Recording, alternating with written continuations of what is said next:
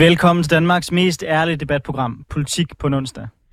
Her øh, er vi hver uge klar med aktuel politisk debat, og hvis du forventer neutrale værter, så er det det forkerte program, du lytter til. Ja, for mit navn det er Anders Storgård, og jeg er tidligere landsmand for konservativ ungdom, og så er jeg kommunalbestyrelsesmedlem på Frederiksberg. Ja, og jeg hedder Nicoline Prehn, og jeg er øh, folketingskandidat for Socialdemokratiet og øh, aktiv i DSU. De næste par timer kommer vi til at vende nogle af ugens vigtigste politiske historier. I denne her time, der kommer det til at blive lidt anderledes, end det normalt kommer til at være i den første time. Det skyldes, at det her det faktisk er det sidste afsnit, jeg er med i før jul. Og derfor kommer vi til at gå lidt mere ned i nogle af de mere aktuelle sager, og I får glæde af Nicoline og jeg lidt mere, end I plejer typisk. Senere i programmet får vi også besøg af en gæst, der kommer til at tale om et relevant emne, men øh, det vil jeg ikke spoile endnu. Nej, for indtil da, der har vi to jo, Anders, udvalgt nogle af de ting, der sker lige nu, som vi synes er allervigtigst, øhm, og som måske det også kan være, at vi er lidt uenige om. Øhm, jeg tænker, om du ikke måske bare kan lægge ud, jo, det vil, jeg, det, vil, det vil jeg gerne. Den første sag, som jeg gerne vil, vil fremhæve, det er et indlæg fra Bertel Hårder, som jeg synes kunne være interessant at vende med dig. Mm. Øh, Bertel Hårder, han har grundlæggende skrevet et indlæg om, hvorvidt demokratiet lider under mandagstræner. Han har skrevet om, at øh, der er tre udfordringer over for det danske demokrati. Det ene, det er manglende engagement, altså at der er for få danskere, der gider engagere sig i vores demokrati. Mm. To, mediernes fokus på politikernes privatliv. Og tre, at debatkulturen på internettet skaber en enormt destruktiv øh, debat platform, som ingen har lyst til at deltage i. Og ifølge Bertel Hårder, så plejer de erfarne ledere fra forretnings-, organisations- og foreningslivet at være dem, der sidder i i, i Folketinget, men de har trukket sig, fordi de kan se, hvordan politikerne trækkes igennem den kloak, øh, som formiddagspressen og de sociale medier har udviklet sig til. Mm. Og i stedet for, så siger han, at mange af de her ledere, der er ude i vores samfund, de bruger tid på at sidde på bagerste række, og så kritisere politikerne og, og de folkevalgte for at være for unge, for uerfarne og for inkompetente. Faktisk så siger han, og nu vil jeg citere ham, i stedet for at kritisere de folkevalgte, som har slidt og slæbt for at blive valgt, så burde vi kritisere alle de højt kvalificerede ledere og fremgangsrige folk, som tidligere ville have været oplagte kandidater, men som i vores dag ikke skal have noget af at blive offentlige personer.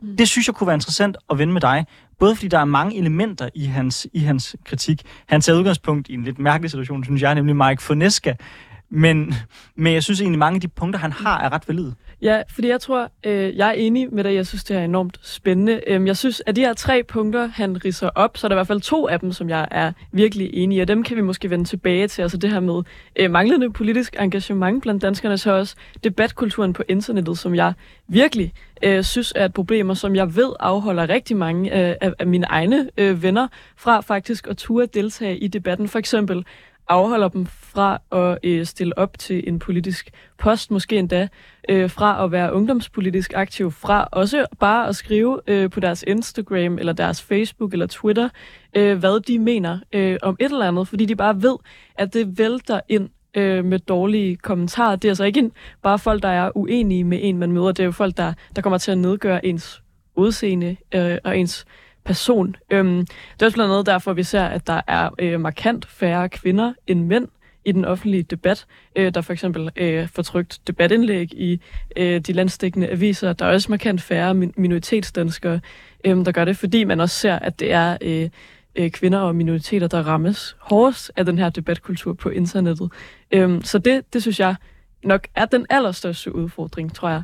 Øh, fordi det så også får jo den konsekvens med det politiske engagement, at det ligesom er det, det kommer til at gå ud over.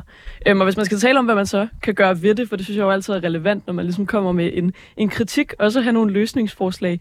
Øhm, det, det ved jeg ikke, om Bertel at gøre. det har du måske læst dig mere ind på. Anders, men øh, noget af det, jeg synes er virkelig vigtigt, det er, at vores medier tager et større ansvar. Altså, hvis for eksempel, øh, lad os sige, Berlingske interviewer en, øhm, lægger det op på deres Facebook-side, og kommentarsporet så bare bliver gennemsyret af Øh, altså troll-typer, øhm, der, øh, der ja, kommenterer på, på ting, der altså er enormt irrelevante for det her interview om et eller andet politisk emne. Det kunne være udseende, alder, øhm, ja, andre irrelevante ting, som ikke handler om de, de politiske budskaber, der ligesom er. For selvfølgelig skal man kunne kritisere dem. Det er jo virkelig vigtigt. Øh, også for den demokratiske samtale enormt vigtigt. Øh, men så synes jeg, at Berling skal, skal gå ind og moderere, måske slette kommentarer, eller skrive, hey, her, der holder vi den gode tone. Det der, det er en, en irrelevant kommentar. Jeg synes, du har mange fine pointer, særligt i forhold til de sociale medier, men jeg tror, man skal passe på med at lægge for meget af årsagen på de sociale mediers skuldre. Årsagen til at sige det, det er, det, er, det er fordi, vi har jo set, at øh, medlemstallet i de politiske partier jo faktisk mm. var dalende i en lang, lang, lang periode, mm. næsten siden 2. verdenskrig. Så gradvist så faldt den mere og mere. Altså i konservativ ungdom, da jeg var medlem, der plejede vi at kigge tilbage på 50'erne, hvor der var været 30.000 medlemmer af konservativ ungdom. Mm. I dag så er det vel cirka 2.000, øh, når det er højt sat. Og når det har været lavt, så er det været nede på 8-900. Mm. Det er jo et ret stort fald. Og noget af det skyldes måske sociale medier i nyere tid, at folk kan være lidt mere varsomme med at blande sig i øh, debatterne. Men jeg tror i langt højere grad, at det handler netop om det, som Bertel Hård taler ind i, nemlig vi er begyndt at have en tilgang til vores demokrati om, at man kan placere sig selv på bagerste række, og mm. så kan man sidde og kloge sig. Når man tænder sit tv, hvem er det så, der, der, der sidder og snakker? Politikerne har måske 30 sekunder, mm. men dem, der ligesom fylder noget, det er Mogensen og Christiansen, det er ja. tirsanalysen, det er kommentator, det er News og Co. Folk, der sidder og kommenterer på nyhederne, men det er meget få mennesker, der ønsker selv at placere, for at sige det lidt direkte ud, røven i, i klaskehøjde.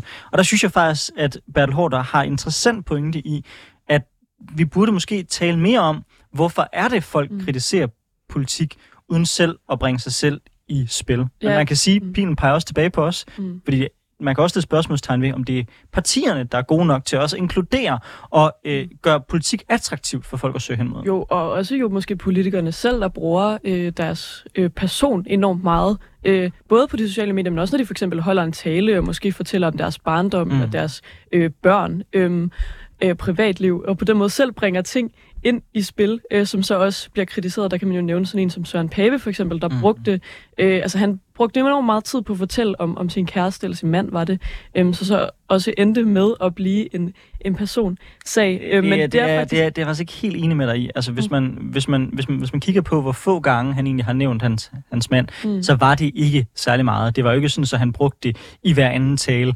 Men det, der jo selvfølgelig sker, det er, at medierne selvfølgelig også puster til hele spørgsmålet om privatliv og gøre det større. Mm. Man kan godt kritisere Søren Pape for at bringe folk ind i hans privatliv. Omvendt er der jo også en forventning. Mm. Medierne spørger ham jo, hvem er den mand, der går bag dig hele tiden? Hvem er den mand, du følges mm. med? Medierne var jo enormt interesseret også i det faktum, at Søren han var homoseksuel. Mm. Altså det var faktisk ikke Søren, der havde lyst til at gå ud og sige, at han var homoseksuel. Det var medierne, Nej, der var, der var så lige som, det med kærestens religion, som, som han for eksempel brugte med, at kæresten var jøde, det var han så ja. ikke alligevel. Øhm, det tror jeg, jeg synes er lidt problematisk. Jamen, det er jeg enig med dig i. Mm. Men i forhold til det her med, om man bringer øh, folk ind i ens privatliv. Ikke, mm. ikke det konkrete i forhold til, om Sørens mand han var jøde, men det her med interessen for Sørens mand. Mm. Der er det jo noget, der starter i, at den måde, vi også observerer politik og drøfter politik i dag, det udspringer enormt meget af identifikation. Altså vores mm. syn på, kan vi identificere os med de politikere, der er ikke deres politik, men hvem de er. Så der er en enorm bevågenhed fra medierne, og dermed så kommer der også nogle politikere, som, altså jeg ved sgu godt, hvis jeg skal have folk til at lytte mere på, hvad jeg siger, så skal jeg komme med nogle personlige eksempler. Mm. Fordi hvis jeg bare snakker politik, så har det mindre interesse, fordi vi er blevet så trænet til, at politik skal handle om personer. Altså det er helt klart. Og så noget, jeg tror, hvor jeg, hvor jeg, hvor jeg tror, vi er enige, det er det her med altså sådan, identiteten, og så også individualiteten i det, at man, man skal ligesom skabe en hel identitet for sig selv ved at tage et bestemt politisk standpunkt også, mm. ikke? eller ved måske ikke at gøre det. Ja. Øhm, noget vi også ser lige nu, tror jeg lidt, øh, med sådan hele den her Israel-Palæstina-debat, øh, hvor jeg møder rigtig mange, der siger, jamen, øh, hvis du ikke har delt det her på din Instagram, så er du et ondt menneske. Øhm, og hvis du ikke lægger et billede øh, på din øh, Twitter af, at du var til den her demonstration, så er du et ondt menneske, der øh, gerne vil slå børn i, i Gaza-striben ihjel. Ikke?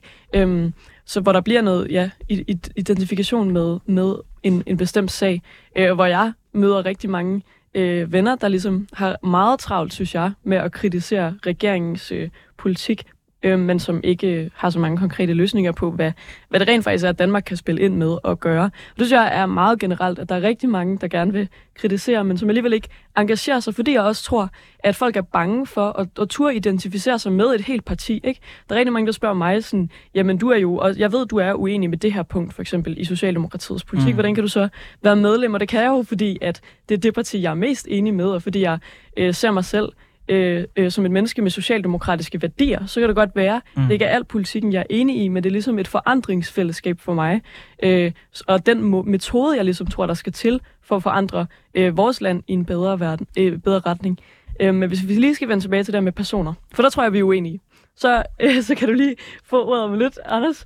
Øhm, for så læste jeg nemlig, at Camilla Søge, altså øh, fra øh, Venstre, som er, hun er debattør og, mm. konsulent, øhm, at hun er gået lidt i rette med Bertel Hårder i Berlingske, hvor øh, Bertel Hårder har, har øh, været ude og mene de her ting. Øhm, hun siger, at hun mener, at man som folkevalgt øh, må forvente kontant afregning. Det er blandt andet i forhold til, som du var inde på før, det her med ham her, øh, Mike Fonseca fra mm. øh, Moderaterne, som blev smidt ud af partiet, fordi jo, at Moderaterne som parti selv har valgt, øh, der, de har ligesom i fællesskab i deres parti besluttet, vi har nogle regler om, at her, der må man ikke... Øh, jeg tror, jeg ved ikke, om de kalder det seksuel omgang, eller være kærester med, indgå i relationer, kærlighedsrelationer med øh, folk, som er øh, børn, altså under, under 18 år. Det, den regel brød han, brød han så, og det har han jo kunne læse hele tiden, tænker jeg, i partiets vedtægter, at det er ikke noget, deres politikere må. Øhm, og det synes jeg sådan set går lidt igen. At jeg synes, de her MeToo-sager er en undtagelse, for jeg tror, jeg godt øh, kan give dig ret i, at på nogle områder synes jeg, at medierne har et alt for stort fokus på politikernes privatliv. Øhm, men, men jeg synes, når det handler om politikere, der udnytter deres magtposition, øh, til at, at få sex eller kærlighed, så bliver det problematisk, så bliver det en MeToo-sag, som jeg synes, det er vigtigt, at medierne også sætter fokus på. Der var enormt meget der. Jeg ved næsten ikke, hvor jeg skal starte i forhold til mit, mit, mit modsvar. Jeg vil starte med der, med der, hvor jeg er enig med dig. Mm. Altså, ja, MeToo-sager, hvor der er tale om en chef, der udnytter sin magtposition, af en politiker, der bruger det faktum, at personen er politiker, til at presse folk til sex, er selvfølgelig relevant for deres politiske erhverv, fordi der er en direkte kobling mm. til, hvordan de forvalter magten. Helt, helt, helt enig. Jeg synes, at nogle af de ting, som medierne nogle gange er begyndt at gå ned i, tror jeg mere handler om folks privatliv, mere end det egentlig handler om noget, der er relevant for deres mulighed for at kunne passe deres arbejde. Mm. Øh, jeg synes, et godt eksempel på det var dengang, da medierne skrev enormt meget om, hvorvidt at Helle Thornings mand var homoseksuel. Mm. Det var fuldstændig irrelevant for, hende, for hendes mm evner til at varetage jobbet som statsminister i Danmark. Og sådan nogle sager, synes jeg, vi ser flere af, mm. og de fylder mere i dansk politik. I forhold til det her med identifikation, skal man være helt enig med ens eget parti, så vil jeg sige, da jeg øh, pitchede den her idé om det her program til det gamle Radio Loud, der var noget af det, jeg lagde vægt på. Det var det her med, at man i det her program skal kunne være uenig med sit parti. Mm. Og årsagen til, det var vigtigt, det var faktisk netop af samme årsag. Det er, jeg tror, der er alt for mange mennesker, der jagter dansk politik, som tror, at man er 100% enig i partierne. Mm. Hvor det er en identitet, det er en trøje, man ligesom trækker af. Nu, nu tager jeg den grønne C-trøje på, mm. og så alt konservativt gør, det er, det er korrekt. Hvor det jeg håber, det er, at programmer som det her kan være med til også at skubbe lidt til den opfattelse og sige,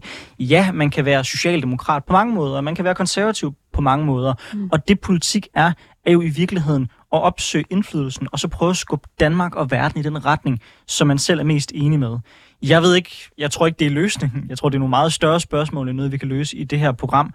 Men jeg er øh, ofte søgende over for, hvordan vi får skabt en tilgang igen til, at man skal være medlem af et, et parti. Mm. For jeg tror faktisk, det er meget skadeligt, at det er så en lille del af befolkningen, der er aktiv i partierne, for så får vi en, en minoritet, mm. der udvælger politikerne, og en majoritet, der er utilfreds, og som ikke har nogen noget indtryk af, hvordan de politiske beslutninger bliver, bliver, bliver taget. Og det tror jeg er skadeligt for vores demokrati. Mm. Har du nogle gode idéer, Nicolina, til hvordan vi løser det?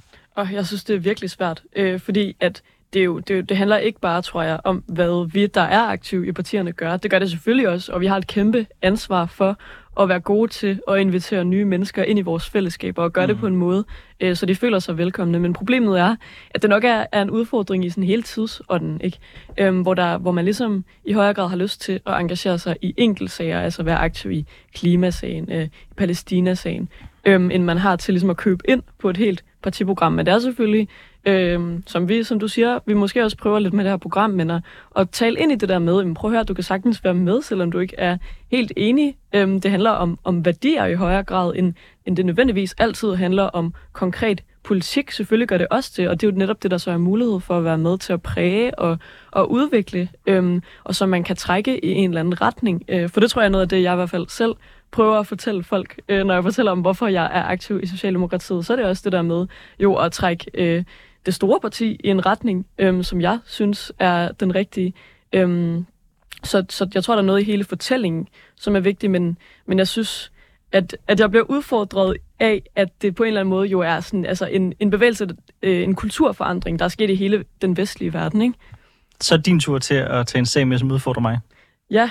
Øhm, nu skal jeg lige finde det frem. Det er lige her. Det er nemlig sådan, at jeg læste øh, i morges faktisk, øh, at øh, der er kommet nye PISA-tal, altså de her test på, hvor gode øh, folkeskoleeleverne i Danmark ligesom er til, til dansk og matematik og, og så videre, som ligesom bliver lavet i, i øh, store dele af, af verden i OECD-landene, tror jeg. Øhm, og øh, der øh, var det altså Mathias Tesfaye, vores øh, børne- og undervisningsminister, som sagde det her med, der er grund til at være bekymret. Øhm, det sagde han i går i anledning af den her offentliggørelse af resultaterne fra PISA-testen øh, fra 2022.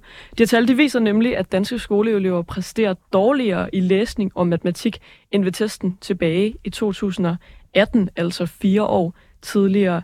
Øhm, men samtidig med det, så ligger Danmark fortsat væsentligt over gennemsnittet på ranglisten over de her 81 deltagende OECD-lande, som er med i de her PISA-tests. Øh, så på den måde kan man sige, at de her PISA-tal jo både rummer sådan en negativ og en positiv historie. Øh, man kan sige, hvis man måler os med os selv, som jeg synes, man bør, ikke, så gør vi det dårligere, end vi har gjort tidligere.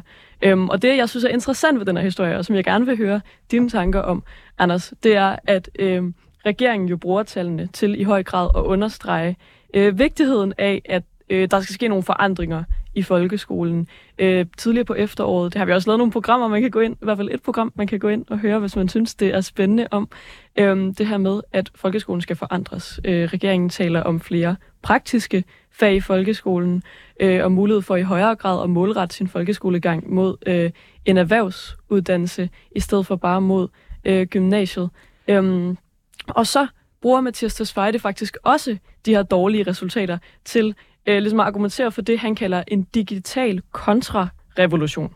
Altså at vi skal have færre mobiler og computer i folkeskolen.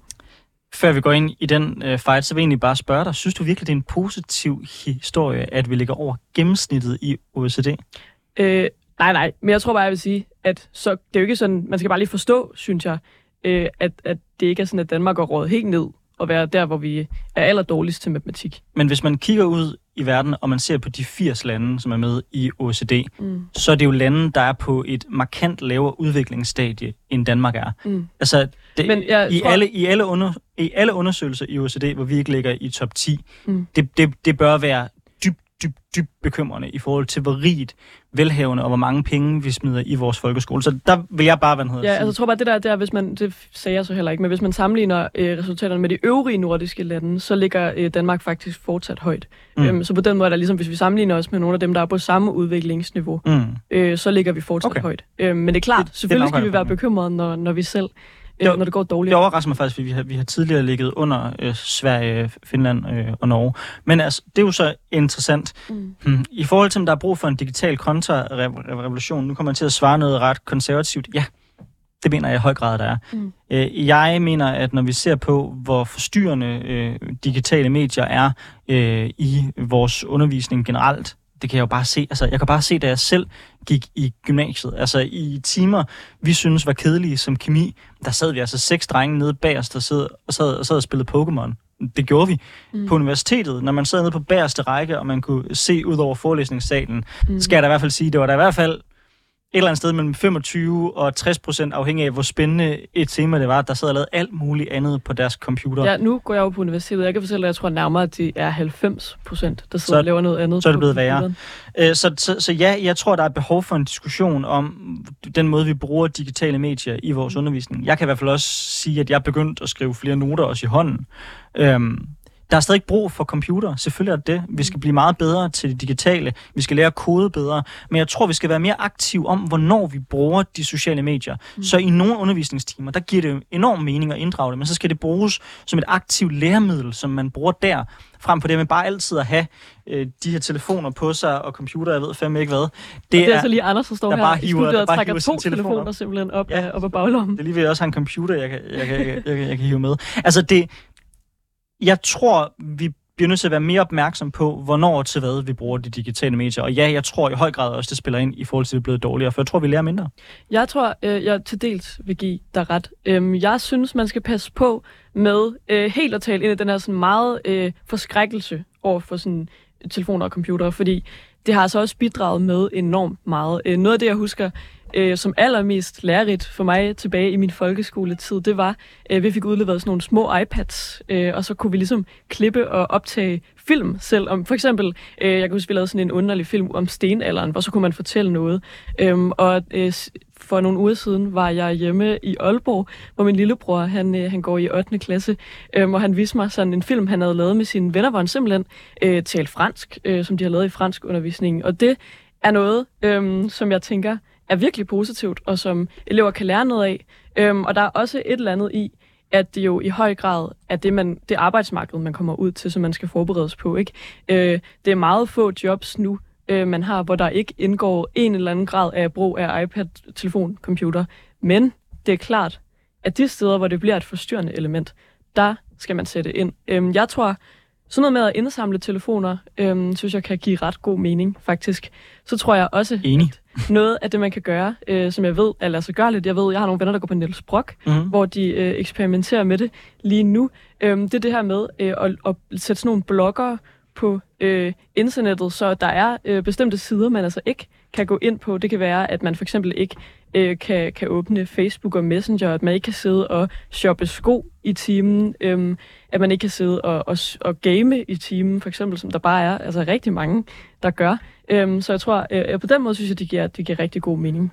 Men tror du ikke i sidste ende, at når det kommer til eksempelvis sådan nogle firewall setting, som hvilke sider du kan gå ind i, mm. at så ender det med, at der er en eller anden elev, der har fundet en eller anden proxy, og der man kan komme udenom den der firewall. Altså jeg synes tit, når man prøver at opsætte sådan, sådan nogle ting for elever, så er man jo kreativ nok til at finde vej udenom, og der går måske også lidt sport i at komme udenom det. Jo, helt sikkert. Øh, men jeg tænker, det er noget, man, øh, der godt kan lade sig gøre. Jeg ved på Niels Brock gør de det, øh, og det fungerer, så vidt jeg har hørt i hvert fald, ret godt. Øh, jeg ved også, når jeg selv er til eksamen på universitetet, øh, så får vi jo, er der nogle stationære computer, der står derhenne, hvor der ligesom ikke er mulighed for heller at åbne andet end de programmer, man må bruge. Øh, så jeg tror, det er den vej, vi skal gå, så vi fortsat lærer vores folkeskoleelever at gøre brug af selvfølgelig computer, telefoner øh, og alt det digitale, øh, men at der skal sættes nogle flere grænser.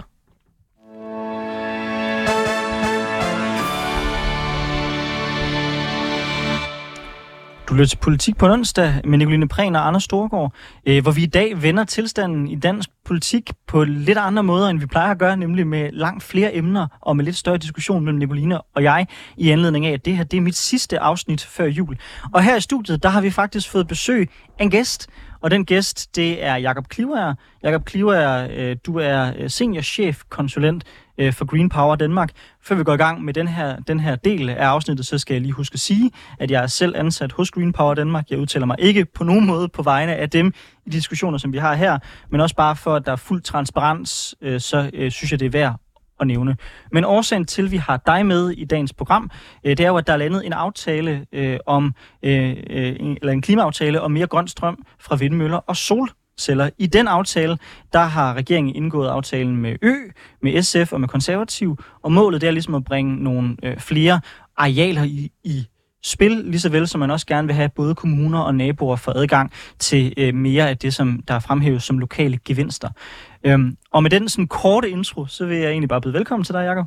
Jo, tak. Jeg tror egentlig også, at Alternativet øh, var med i aftalen. Det ved jeg ikke, om du fik nævnt, men øh, ja. Det er rigtigt. det er korrekt. Øhm, kan du sætte et ord på, hvordan I ser den her aftale?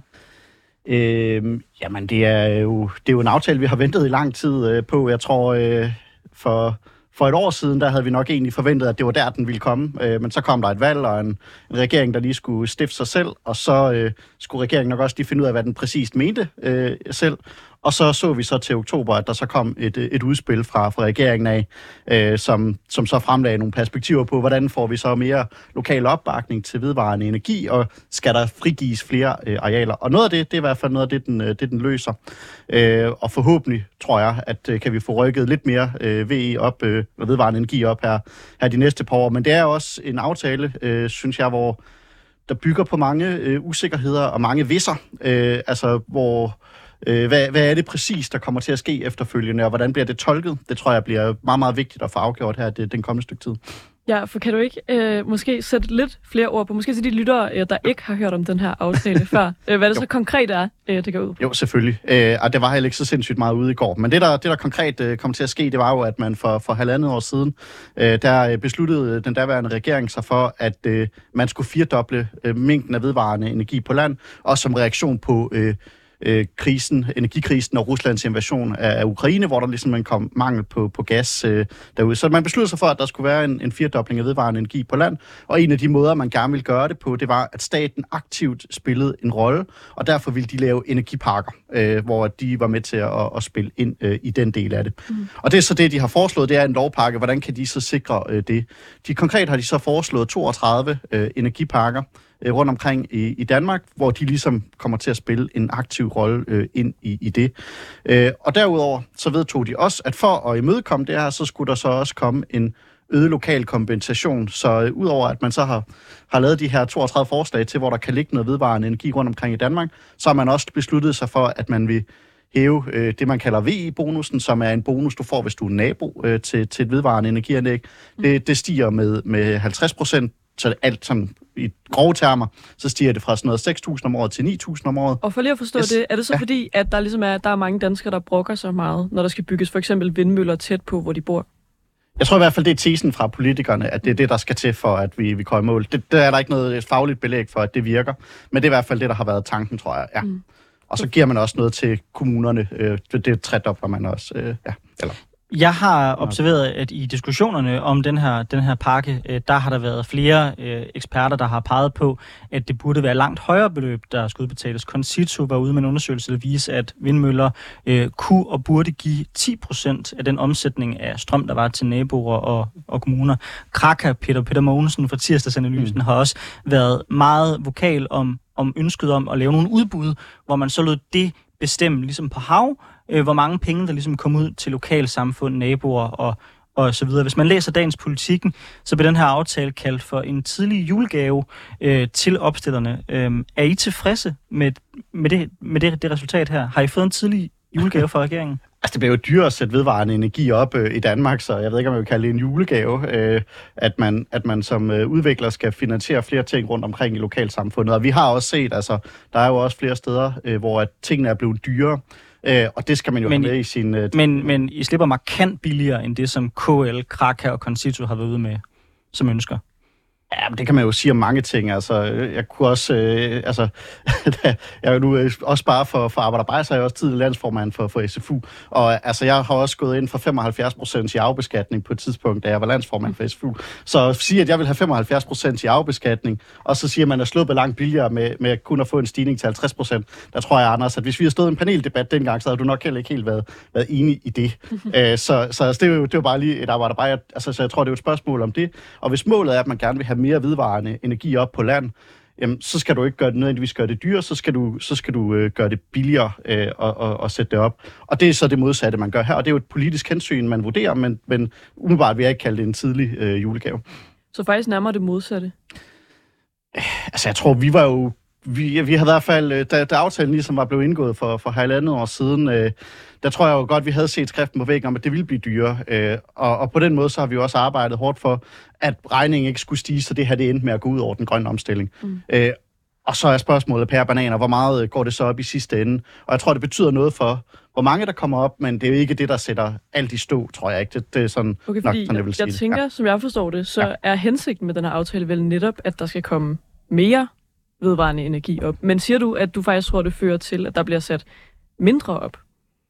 Øh, alt andet lige, ja. Så når du gør tingene dyre, så vil der også øh, komme mindre op. Men til gengæld så skubber du så på nogle balancer i forhold til, hvor meget plads der kan være til vedvarende energi, og det giver skubber så tingene lidt en anden retning. Ja. Så derfor kan det godt være lidt, gå lidt i begge, begge veje. Så det er ikke sådan en, der kommer mindre, eller der kommer mere. Det, kan, det er lidt Fordi, nogle balancer, som, der jeg skal gå op. forstår det, så er pointen vel at få sådan større, mere sammenhængende arealer i spil. Øh, ja, altså det, det har i hvert fald været tanken fra regeringens side i energiparkerne, at der skulle man have nogle store arealer på spil, så du kunne få, få de her power to x anlæg op og stå også, mm. som I- bliver talt meget om. I forhold til VE-ordningerne, så har I selv lavet en undersøgelse, der har vist, at der er cirka 4 gigawatt, øh, eller jeg mener, det er cirka 3.000 vind, vind, vindmøller, der var i proces derude, som det er i dag. Øhm, kunne man ikke argumentere for, at når man øger de lokale gevinster, når kommunerne får flere penge, når naboerne får, får flere penge, at så vil det lede frem til, som regeringen siger, at der måske er flere kommuner, der vil godkende mange af de vindmølleprojekter, der, der er derude? Måske. Altså, øh, vi, vi ved det ikke, øh, og jeg tror, det var 5 øh, gigawatt, vi var, vi var helt op på, at det var det, der lå i vindmøller. Øh, så så der, det var det, der svarer til cirka 1000 vindmøller, der, der ligger derude, som egentlig bare har ligget i proces. Og jo, det, er, det er der selvfølgelig forhåbentlig, det er jo det, vi håber, det er, at der er flere kommuner, der, der så vil spille bold og godkende nogle flere projekter. Der er bare ikke umiddelbart noget data på, at det hjælper på opbakning til det, så, så derfor er det jo det, man skal, skal have med. Og et sidste emne, der har fyldt en del i diskussionerne, jeg kan også se, at Danmarks Naturfredningsforening har været ude og kritisere aftalen efter, mm. det er jo hele det her spørgsmål om, at man bløder op for, at der kan være vedvarende energi i fredet områder tæt på åbeskyttelseslinjer. Altså der er alle mulige grænser i dag, hvor man siger, at det her det er vigtigt natur, der ønsker man ikke, at der, at der skal placeres vindmøller og solceller. Regeringen havde spillet ud med, at det var endnu mere vidtgående end det, der øh, endte med at blive, blive vedtaget. Men selv det, der er vedtaget, ses af Danmarks Naturfredningsforening som værende en vedvarende energi, der kommer på bekostning af vigtig natur. Øhm, er vi endt et sted, hvor at det er vedvarende energi mod naturen? Er det grøn mod grøn? Mm, jeg tror i hvert fald, det er en kamp, man meget gerne, eller som, som i hvert fald bliver talt meget op øh, for tiden. Mm. Jeg tror jo, at øh, for at få mere natur, og for, for, for at beskytte den natur, vi også øh, har, så er det nødvendigt, at vi får gjort noget ved klimaproblematikken, sådan helt grundlæggende set. Og vi er også øh, begyndt at arbejde rigtig meget for det, vi kalder sameksistens, altså øh, sameksistens mellem vedvarende energi og natur. Øh, og det er også noget af det, vi håber på, at vi ligesom kan få skubbet på for. Så er der selvfølgelig nogle hensyn, hvor jeg tror, at at der er jo nogle områder øh, med meget øh, urørt natur og sådan nogle ting, og det, det har man sådan set, det, det, det er også noget, at nogle af de arealer, det er også noget, det man kalder paragraf 3-arealerne, ikke for at nørde ned i det, men det er ligesom taget ud af det. Og så er der selvfølgelig nogle arealer, hvor det er mere et spørgsmål om vurdering, øh, som, som er kommet ind i, i aftaleteksten, hvor man skal vurdere, hvad er naturhensynet versus øh, øh, den vedvarende energi, der skal op. Fordi jeg ja. tror, det var lidt det her øh, sådan øh, flagermus versus vindmøller spørgsmål, som Mette Frederiksen stillede. Jeg tror, at det var til Folketingets åbning i, i åbningstalen. Altså, der er, du, der er du på vindmøllernes hold, og så må det koste nogle flagermus. Øh, altså i hvert fald der, hvor vi skal i mål med vores vedvarende energi. Mm. Altså jeg er ikke der, hvor jeg synes, så skal vi bare jorde øh, hele, hele naturen, og så kører vi bare derud af. Jeg tror, de, er ligesom, de, de to ting, de skal ligesom øh, hænge sammen øh, fremadrettet. Mm. Øh, men det er klart, vi skal i mål med vores mængde af vedvarende energi, der skal op. Og den hurtigste og billigste måde, hvis vi gerne vil blive fuldstændig afhængige af vores kulkedler mm. øh, og, og, og gas øh, og, og de ting, der skal være der, så skal vi have med vedvarende energi op, ja. Men jeg tror, jeg er meget enig med dig, fordi er der ikke et eller andet øh, lidt skørt i det spørgsmål? Fordi hvis man ikke får sat nok vindmøller op, hvis vi ikke kommer i, i mål med ligesom at forhindre, øh, at klimaforandringerne bliver rigtig, rigtig slemme, så, så, så dør flagermusene vel alligevel.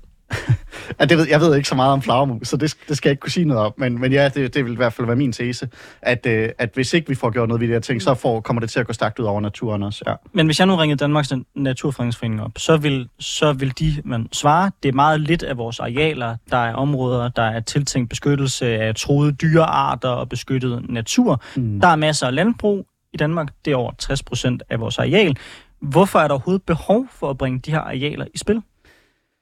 Øhm, det synes jeg jo egentlig også er en vigtig pointe, som, som Dansk Naturfredningsforening egentlig har i, det der, i den der forbindelse med, at det, det er jo også sårbart, at når, når vi har så lidt natur i Danmark, at så skal, det selvfølgelig, øh, så skal vi selvfølgelig også beskytte og værne om den. Det er så også kun 1,3 procent af Danmarks areal, der skal gå til vedvarende energi, hvis vi skal nå i mål med den her firedobling. Så det er jo ikke sindssygt meget, når 60 procent af vores øh, areal så går til, til landbrug. Så det men, synes jeg sådan set er en vigtig Men pointe. understreger det ikke, at der ikke er brug for at placere en vindmølle der, hvor der er en troet mm. flagmus? Jo, men, det, men så, det, det, hvis du ser meget statisk på, på arealforbruget i Danmark, der kan jo godt være situationer, netop som, som når, da Nicolino netop påpegede før, at, at det er jo store arealer, der skal i spil, og når man ligesom har valgt at målrette nogle arealer, der skal i spil, så vil der alt andet lige komme i kambolage med nogle, med nogle andre hensyn. Eller også så skal du ud og, og begynde at, vi er jo nok, øh, hvor den påstander ud og, og tænke, og pege på de landsbyer, du så gerne øh, vil nedlægge. Så øh, det, er jo, det er jo et spørgsmål om, hvordan, hvordan laver du hensynene, øh, og det, det, er det, man, øh, det er det, man må mødekomme. Jakob Kliver fra Green Power Danmark, tusind tak, fordi du var med i Politik på onsdag. Selv tak.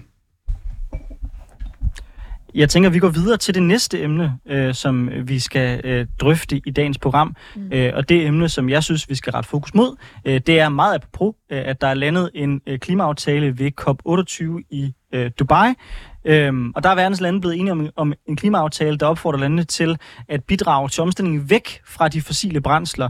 Øh, ordet udfasning eller nedfasning har været rigtig meget diskuteret, men det kom ikke igennem som en, som en af de øh, ønsker, der ellers havde været fra særligt de europæiske lande. Øh, og så nævnes det også i aftalen, at lande de skal tredoble deres vindmøller og solceller øh, før 2030, komme hurtigere væk fra kulkraftværker uden renseteknik, skrue op for teknologier, der har et lavt klimaaftryk. Det benævnte lande, de skal skære i udledningen af metan, eller sagt på en anden måde, landbruget.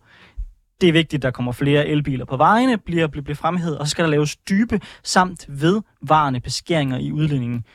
Men så tænker man måske, nå, spændende, øh, det er en masse gode visioner. Øh, er der så kommet nogle nye forpligtende mål, der ligesom presser landene til det? Øh, og der, og der er svaret nej. Jeg vil gerne høre, hvad øh, du tænker oven på sådan en omgang øh, klimadiskussion i Dubai. Ja, og jeg synes, øh, det er lidt svært faktisk. Øhm, jeg, jeg tror, jeg er lidt blandet med, den, med den her, man har landet af aftale i dag. Jeg, øh, jeg synes, at der, der er nogle positive... Jeg tror, Jeg at, tror, jeg tror simpelthen, jeg kommer til at slukke for den forkerte mikro- mikrofon, så hvis du lige vil starte forfra igen. Ja, du spurgte mig om det her med, øh, hvad jeg synes om den øh, aftale, der nu er landet på COP28 i Dubai. Øhm, og det, jeg sagde, måske kunne man høre det meget lavt i din mikrofon, øh, men det, at, at jeg, jeg har det blandet. Øh, jeg kan ikke øh, lige helt øh, sådan finde ud af, hvilken fod jeg, jeg skal stå på øh, i det her, tror jeg. Fordi på den ene side, så synes jeg jo, det signalerer jo i en eller anden grad, at der er en vis enighed om, at man godt vil bevæge sig mod ende på brugen af fossile brændsler. Ikke? Det kan godt blive enige om, at man har ligesom rykket sig i den retning i forhold til sidst. Øhm, og det virker til, at der har været nogle ret sådan voldsomme sværslag øh, på den her COP, og at det har været svært at blive enige, synes jeg. Øh, det har virket til, når også nogle af de danske forhandlere har udtalt sig i medierne. Så virker det som om, det har ligesom, det har været noget af en omgang, øh, og det har været svært at få folk med. Men det er da klart, at hvis jeg skulle bestemme, så havde man da indgået nogle meget mere bindende aftaler.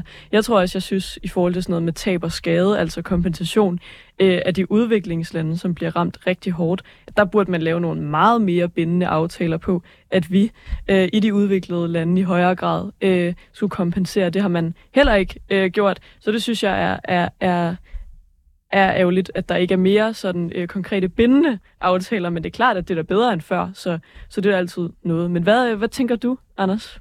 Jeg er nok en smule mere skeptisk, end Mm. du er over for ideen om, at man skal klima, klimakompensere også ideelt set en til en for de øh, skader, der kommer i udviklingslandene. Mm. Det tror jeg er urealistisk at forestille os, at vi når hen til det, til, det, til det punkt, og det er jo også svært at måle, hvad de præcise økonomiske skader er, Mm. vil jeg sige. I forhold til Nu sagde jeg aftalen, ikke præcist kompensere, men i hvert fald Nej. kompensere i øh, højere grad, end man gør i dag. men det er jo det, diskussionen er. Mm. Det er, det er bør, de, bør de rige og de veludviklede lande, Mm. typisk de europæiske lande, til trods for at Kina i dag ud, udleder mere, Mm. øh, end vi gør i Europa, skal vi kompensere for eventuelle skader, der er i udviklingslandene, for du får ikke Kina til at gøre det. Så det er jo lidt det, er jo, det, er jo lidt, det, er jo lidt det diskussionen er. Nå, men, i, men, i, men i, i forhold til aftalen sådan helt generelt, Mm. mm. så vil jeg sige, Altså forventningerne er jo på et meget lavt sted, når man vælger at, at, at holde et, et møde i en så olieproducerende region, mm. øh, hvor at man til at starte med melder ud, at man har tænkt sig at bruge klimatopmødet også til at lande øh, olie- og gas Mm. aftaler. Så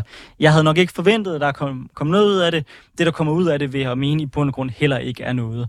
Øhm, det olie- og gasvirksomhederne og øh, landene gang på gang gør, det er, at de, de skubber bolden foran, foran, foran. Og nu er det lykkes med endnu en gang at forsinke beslutningen om, at vi siger stop for fossile brændsler. Det, de lykkes med, kunne man have fået det igennem ved at tvinge dem til det. Det kunne man nok ikke. Så måske er det det bedst mulige scenarie ud af de scenarier, der er. Men altså, man skal bare ikke, tror jeg, gøre sig nogen illusion om, at det her det kommer til at rykke noget Nej. som helst for klimaet overhovedet. Det, der rykker noget i retning af, af klimaet lige nu, Mm. mm. det er, at grøn teknologi er ved at blive pisse billigt. Så der er Mm. flere og flere af de industrialiserede lande, der begynder at gå over til øh, vindmøller, til solceller, til elbiler øh, og til den teknologi, der er der har et lavere CO2-tryk. Det er virksomhederne, der viser vejen lige nu.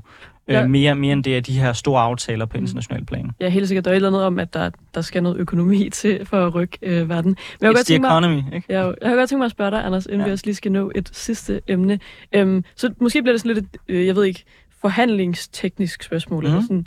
Øh, men hvad synes du, man skal gøre? Fordi jeg tror, vi kan jo godt blive enige om, at, at vi gerne havde set mere bindende mål. Og det var jo også det, som EU arbejdede på sammen med øh, alle mulige andre, det blandt andet øh, latinamerikanske ja. lande, det var øh, små østater, øhm, for at det skulle være altså en mere progressiv aftale. Men det var jo virkelig de her olie- og gasproducenter fra altså Saudi-Arabien og Rusland blandt andet, øh, som satte en stopper for det. Hvad skal man gøre over for de her olielande, som ikke vil være med? Altså handler det om, at vi skal lukke hårdere af? Skal vi simpelthen sanktionere nogle af de her lande, der slet ikke vil være med? Eller ender vi så med slet ikke at få dem øh, med på den grønne omstilling? Altså lidt et spørgsmål til dig, øh, om hvorvidt man skal sådan sætte meget store Mm. krav, øh, og så måske risikere ikke at rykke, Ja. eller at man skal være sådan, øh, have et håb, og så prøve at få dem med ind i aftalerne. Altså, jeg tror på sigt, så bliver man nødt til at lave sanktioner øh, mod de her lande. Jeg tror, vi ender i en, i en, en situation, i virkeligheden lidt det samme, som vi begynder at bevæge os i retning af i, i forhold til skatteunddragelse. Du bliver nødt til at sætte nogle barriere op ved de lande,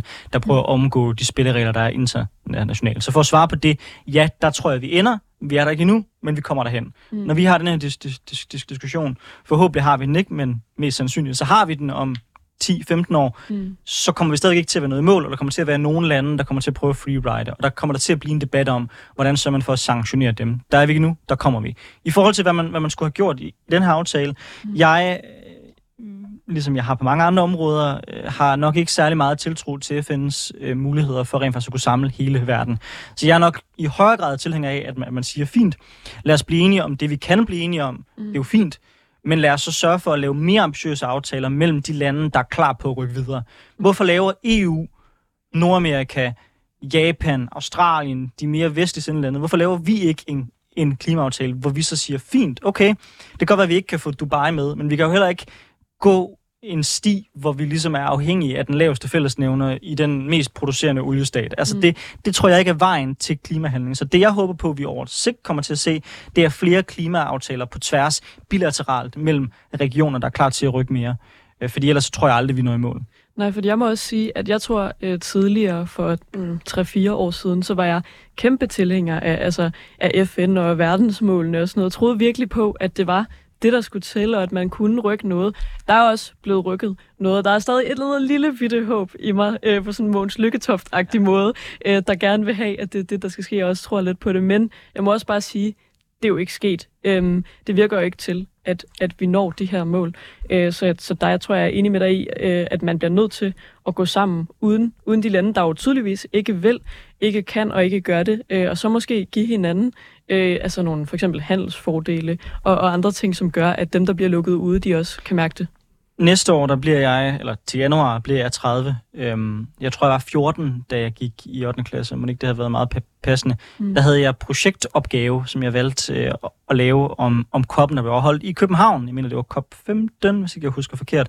Mm. Øhm, dengang var man jo sikker på, nu lander der en aftale. Mm. Nu løser vi det her spørgsmål om klimaforandringerne.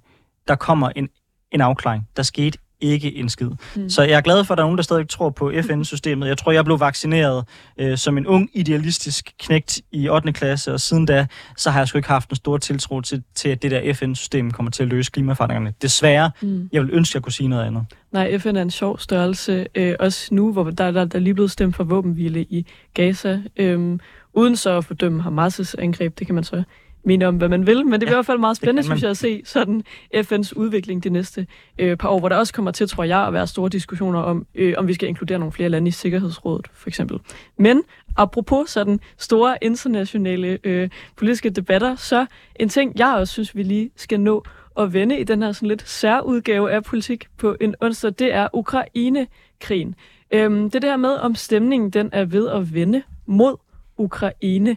Øh, for jeg kunne læse øh, blandt andet i Berlingske, øh, at medlem af Europaparlamentet for Dansk Folkeparti, Anders Vistisen, han øh, har meldt ud tidligere på ugen, at han mener, øh, og nu citerer jeg, støtten til Ukraine har en udløbsdato, og den kommer tættere og tættere på.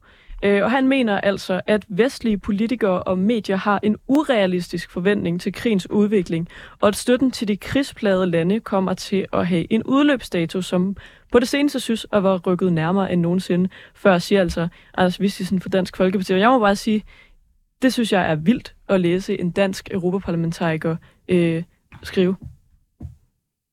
Ja. Ja der er vi enige. Fordi samtidig med, at vi ser det her med, der er så er der lige pludselig et dansk øh, medlem af Europaparlamentet, der mener, mener det her, det synes jeg er, er rimelig bekymrende.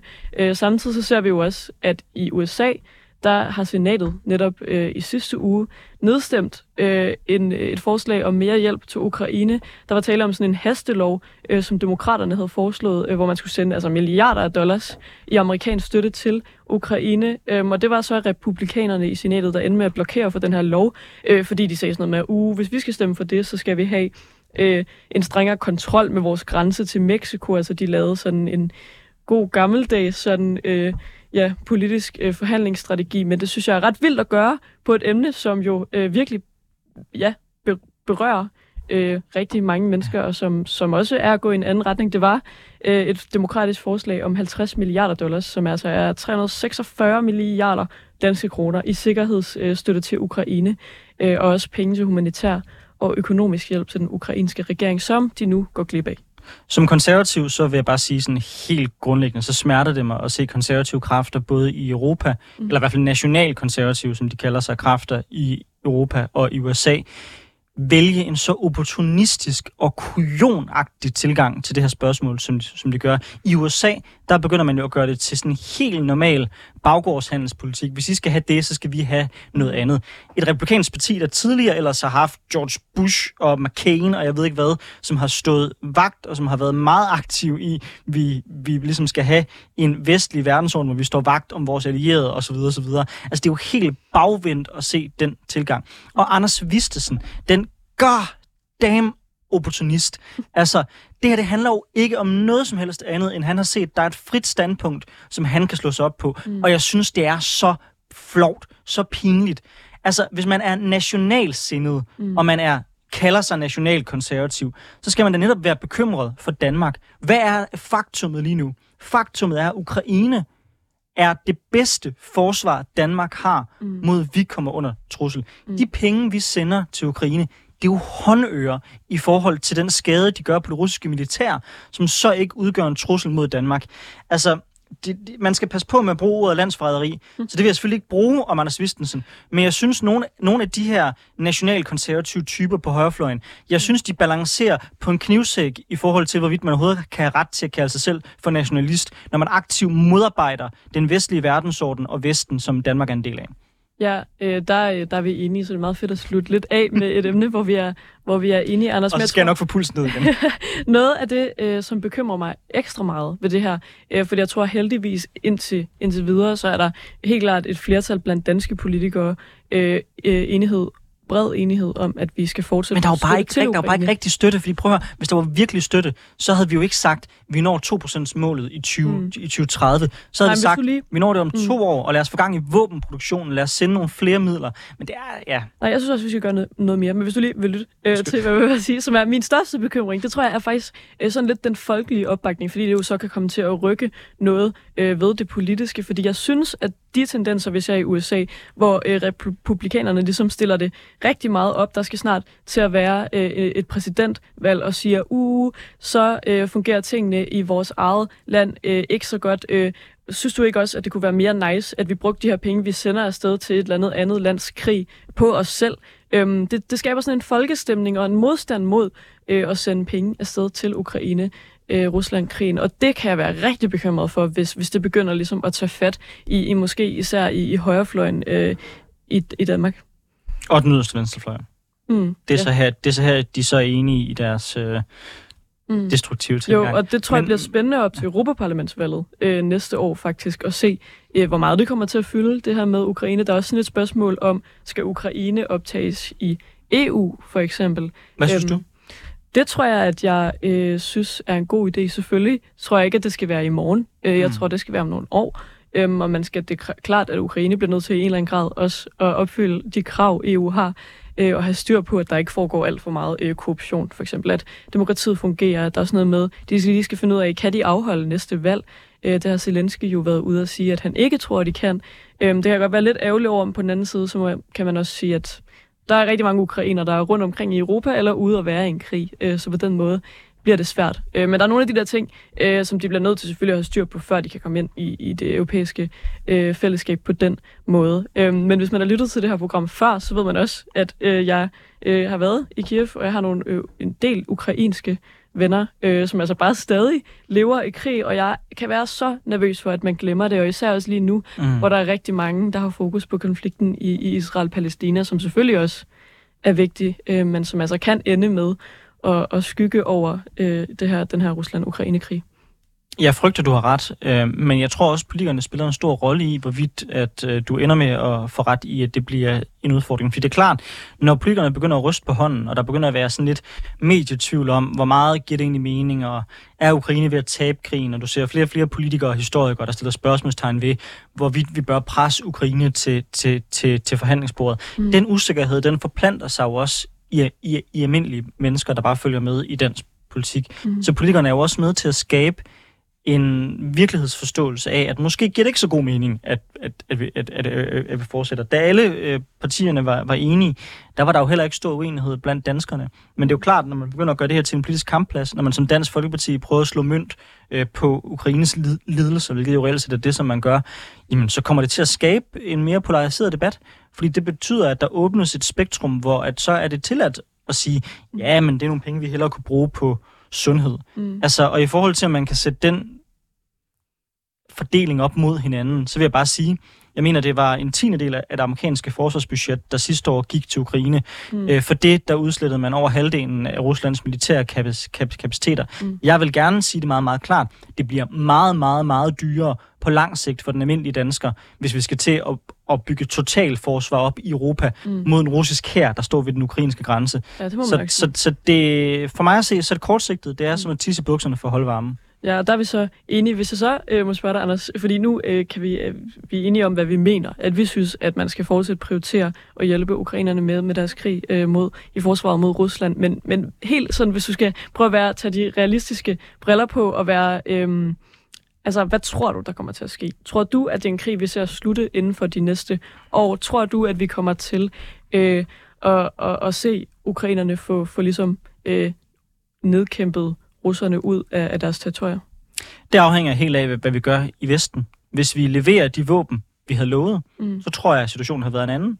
Hvis vi sikrer, at Europa kan levere våben, også hvis USA trækker sig, så vi kan gå ind og, og træde i stedet for USA, ja, så tror jeg på, at Ukraine kan overleve den her den konflikt.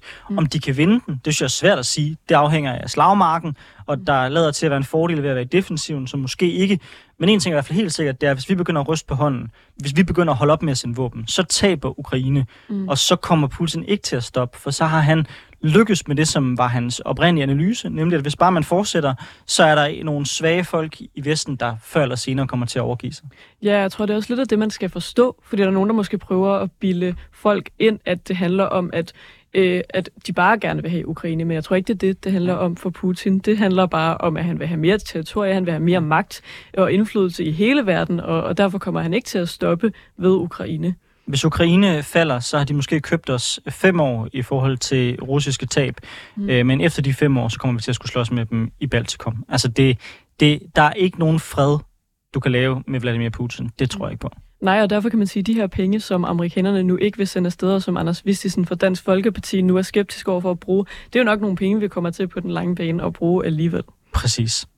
Nå, vi håber, at I, at I synes, det var et interessant program af Politik på onsdag. Hvis man synes, det her var et spændende program, og gerne vil lytte til andre programmer, vi har haft, så kan man høre det på de typiske platforme, som man bruger. Øh, vi vil gerne anbefale 24-7's app, men man kan også finde det på Spotify og andre øh, podcast-platforme. Tak fordi I lyttede med.